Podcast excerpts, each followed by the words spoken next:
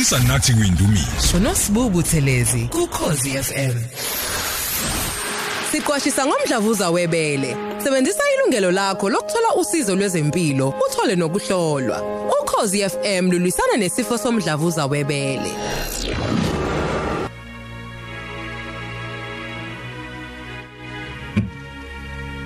Ukukhuluma nomama uLilian Dube njengoba kaduzwa nje ukuthi siqwashisa ngesifo somdlavuza webele.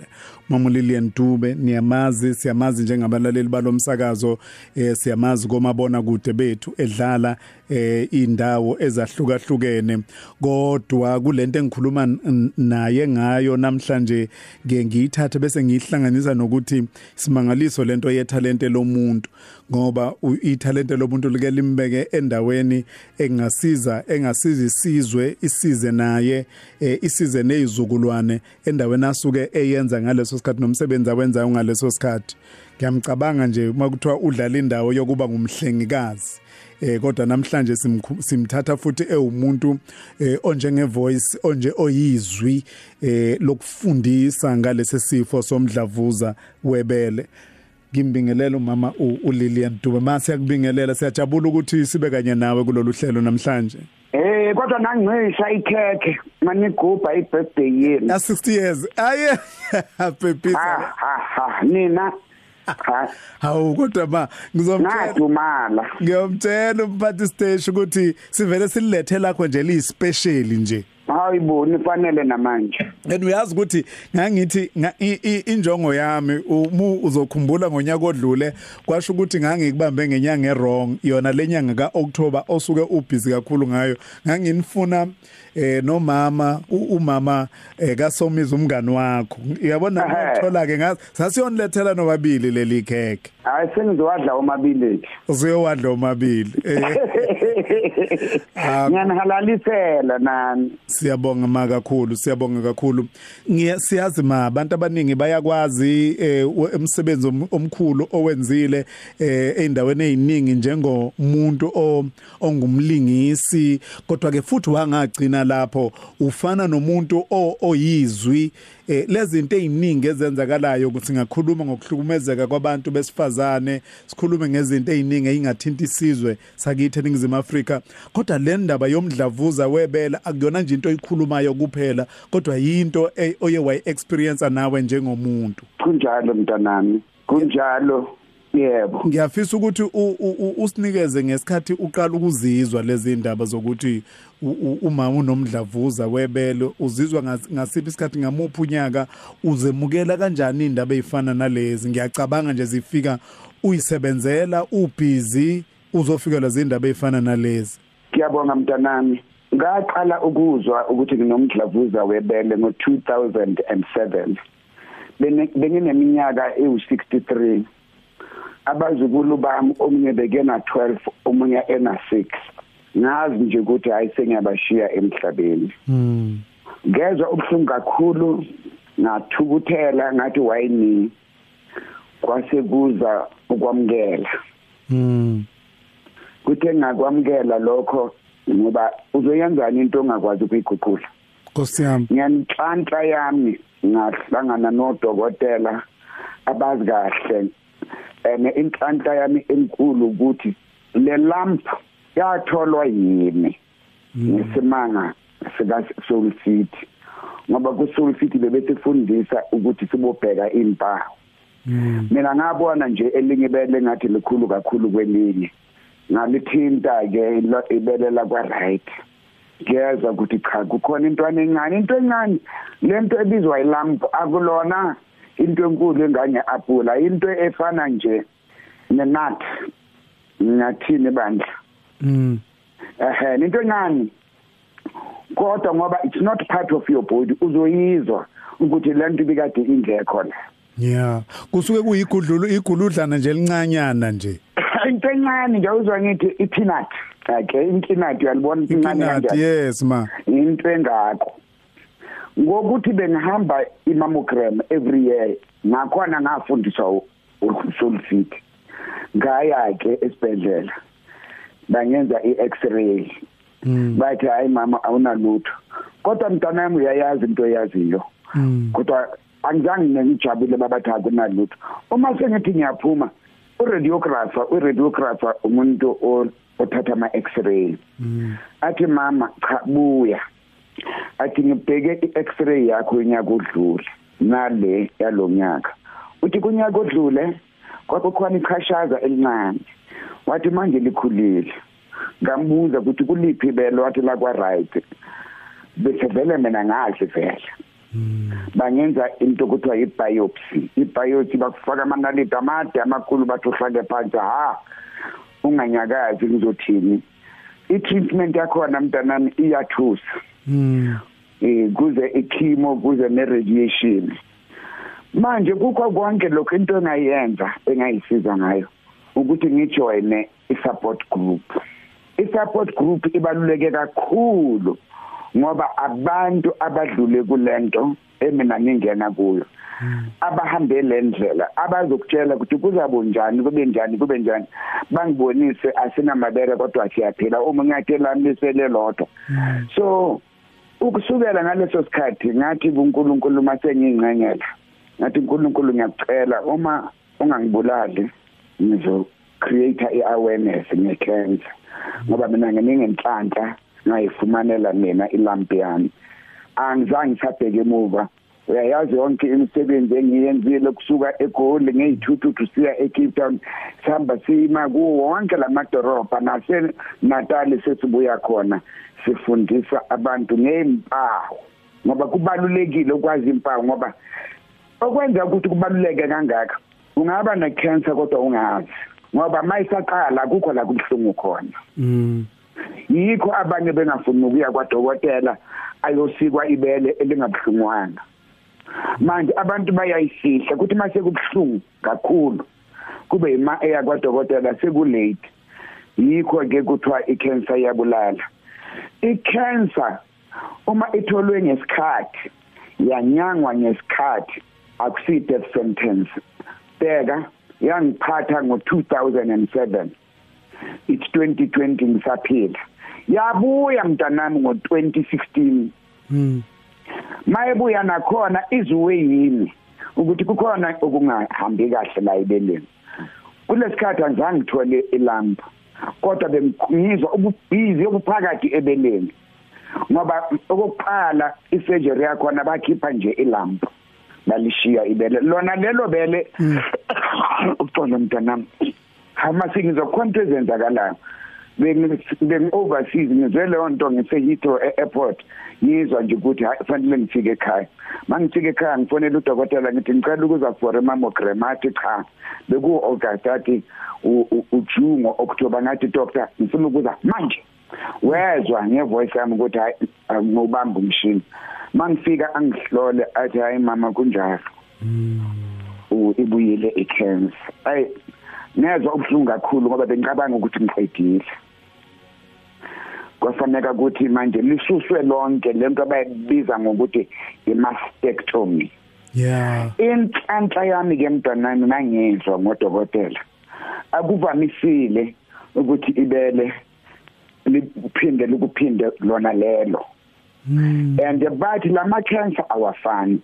Ukubani bekubuye yona leya cancer yokuqala bengeke ngiphile noma ngabe benginemali manje libuye sekune cancer e different kabi.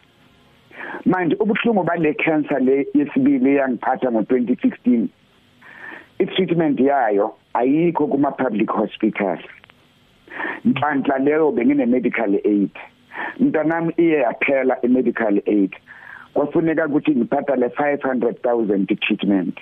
And bengiyibhadala ngingakayi bekuthi mangizoya because i had to go 19 times babhale ukuthi ufanele ubhadale 24325 every month mangiya siyam yo. Ngomusa kaNkuluNkulu bengithi ngibekele i-old age yami kodwa ke isindise impilo yami.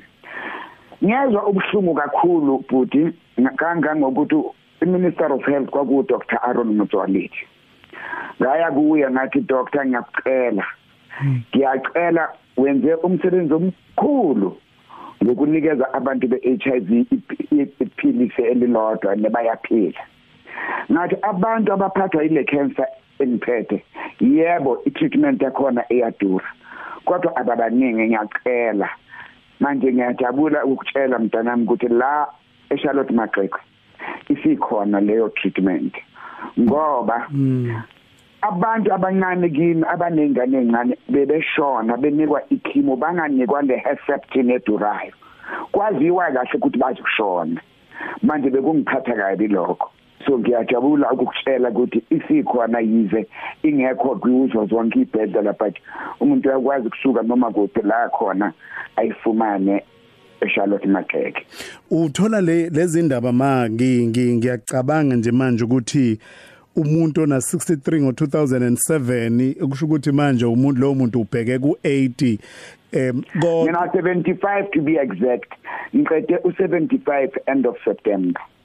Yo and uh, usakwazi ukwazi ukunakekela impilo yakho ngoba mangibhekile nje into eyenza ukuthi ongenani ukwazi ukulwisana ngempumelelo nalo nalesi sifo somdlavuza. Ingenxa yokuthi umuntu oyinakayo okwazi ukulalela umzimba wakhe ungabakhuthaza abantu kakhulukazi ukuthi baziqaphele lezi zinto othi wena izinto esuke zingajwayelekile osukuzizwa kwesinye isikhathi uziyeke nje. Mntanami ngiyajabula ngiyajabula ngempela ngiyakuzwa ukuthi ungilalela uyazini mntanami? Sonke akusinge cancer kuphela. Umzimba noma udle into ongayithandi uyakubonisa. Yeah. Uma ubona into engazange ukuyibona ngenyethi umuntu makazi umzimba wakhe ngoba ibele uma lingafana nekhasi leorange yalazi ikhasi leorange ukuthi linjani. Mm. ufanele ukhathazeke uye kwadokotela.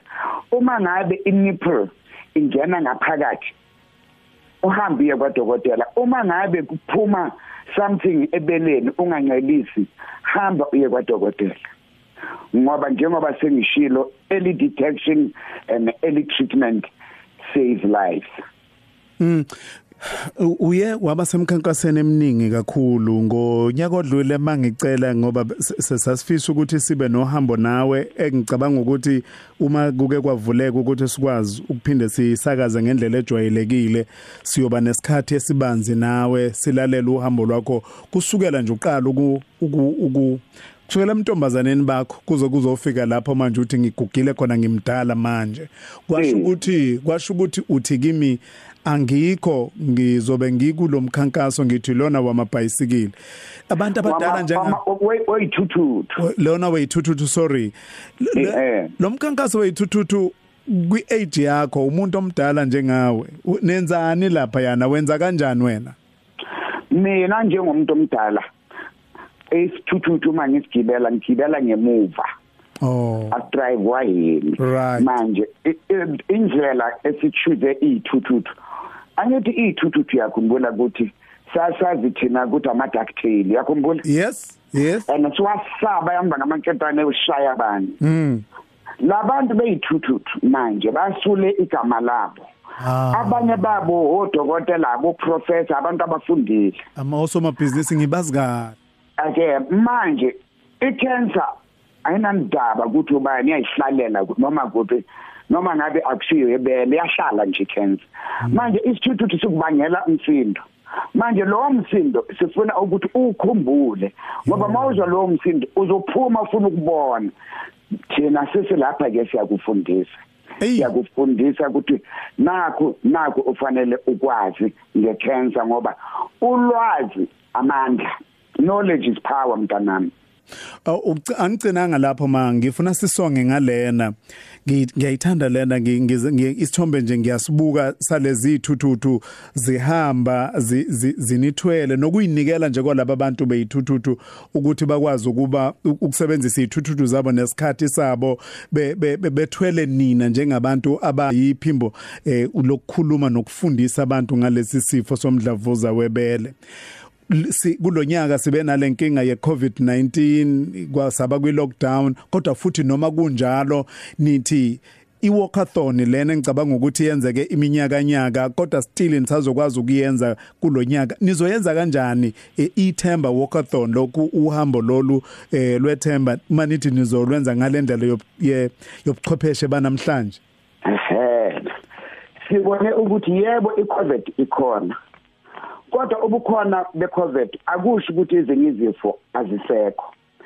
Ikakhulukazi yona icancer ngoba into efunekayo kakhulu kucancer yithemba nokuba nabantu abakusupportayo so kuthe mase sibona ukuthi ngeke siye eMax Park njengokujwayela. Mm sabona ukuthi kungona abantu bayenze online. Uyaregister ungena lapho ku September walkathon ezakwenzeka ngomhla ka-31 so ngeke ukuthi ngomhla ka-31 bese uthi wena ngiyawalka register ngoba kukhona neyikipa namaphasela enganowatholayo lapho. Manje usho ukuthi ufuna ukuhamba ibanga elingakanani. Lokho uma unengadi ekhulu enkulu ungahamba khona engadini yakho usho ukuthi uzohamba amakhilomitha angaki. Or estradeni lapho uhlala khona as long ne observer i social distancing. Manje mina ngizabe ngise head office yakhona sabe su 50 but wonke umuntu uzubone ke mntanami bahlala ngokuthi ayikho into embi engenayo into enhle. Yeah every year siyenza eMax Park ngoOctober. Kuba abantu baseGauteng kuphela. Kodwa bheka ngesimanga sika COVID izenziwa nine provinces South Africa yonke. ukuze behamba la akhona khona. Hayi Nkosi yami Mam Lilian siyabonga nje kakhulu ma sibonga eh, lokhu kuzinikela kwenu okungaka eh, ngizoyithola imininingwane yakhona. Kungaba kuhle kabi ukuthi nje umuntu aparticipate abe ingxenye yalapho. Nami nje ngiyibuza umbuzo othi yini engenza ukuthi ngingajoyini eh, ngihambe nami? Ngoba phela ngizobe ngihamba lapha engikhona. Mangise emakhaya uhamba lapho khona la usafe khona. Yeah eh ngoba mntanami umuntu umuntu ngabantu asiziphilele. Kunjalo ma kunjalo. Ngeke ngithi ngoba mina ngi right bese ngithi kulungile ngizodlala nobani uma ngakwazi kuba nabanye abantu? U register kwini ma? Uregister ku iThemba Walkathon uyangena ku website yabo. Okay. Mawuqala ushaya ukuthi iThemba Walkathon izokubonisa uzabona baza kunika ne receipt baze bakutshela ukuthi uzotholani. Ma ngiyabonga siyabonga kakhulu ma. Si ngiyabonga ngiyajabula njalo ukukhuluma nani bantwana bami. Ngiyathanda futhi ngiyabona ukuthi awu awubuzi nje ngoba uqhashiwe. Into opassionate ngoba uyazazi zonke lezi zinto. Manje ke nabo baba bandla ngiyabacela. Yebo it's breast cancer month. Ngiyabacela abobaba banganqeni ukuchecka iprostrate. Mm ngoba bayasaba ukufaka umunwe wababa akusafakwa umunwe sekutestwa ngegazi. Yebo ma eh na testicular cancer ziningi kabi inhlobo ze cancer manje. Ngelisho kulonyaka leyo khuluma ngayo ithuthutu asizi kuyenza ngendaba ye covid kodwa siyabakhumbuza abantu. Qedile ma. Ngiyabonga kakhulu. Sizophinde sikumeme futhi mase sibuye kusebenzeni kwethu kwejwayelekile eh sibe nohambo nawe. Ngibonga nje isikhathi ongiphe sona ma. uNkulunkulu angibusisele wena. Ngiyabonga. Nawe kanjalo mntanami. Mama Lilian Dube kade ngikhuluma naye bengishilo ukuthi zinikeze isikhathi umlalele uzokhuthazeka kakhulu. Ningakhulu izinto uma ngabe umlalele eh, ukhuthazeke kukho. Ungaba umusha ungaba umdala eh, uyisimangaliso nje somuntu. Siqwashisa ngomdlavuza webele. Sebenzisa ilungelo lakho lokuthola usizo lwezempilo, uthole nokuhlolwa. Ukhozi FM lulwisana nesifo somdlavuza webele. Indumiso nosibubuthelisi.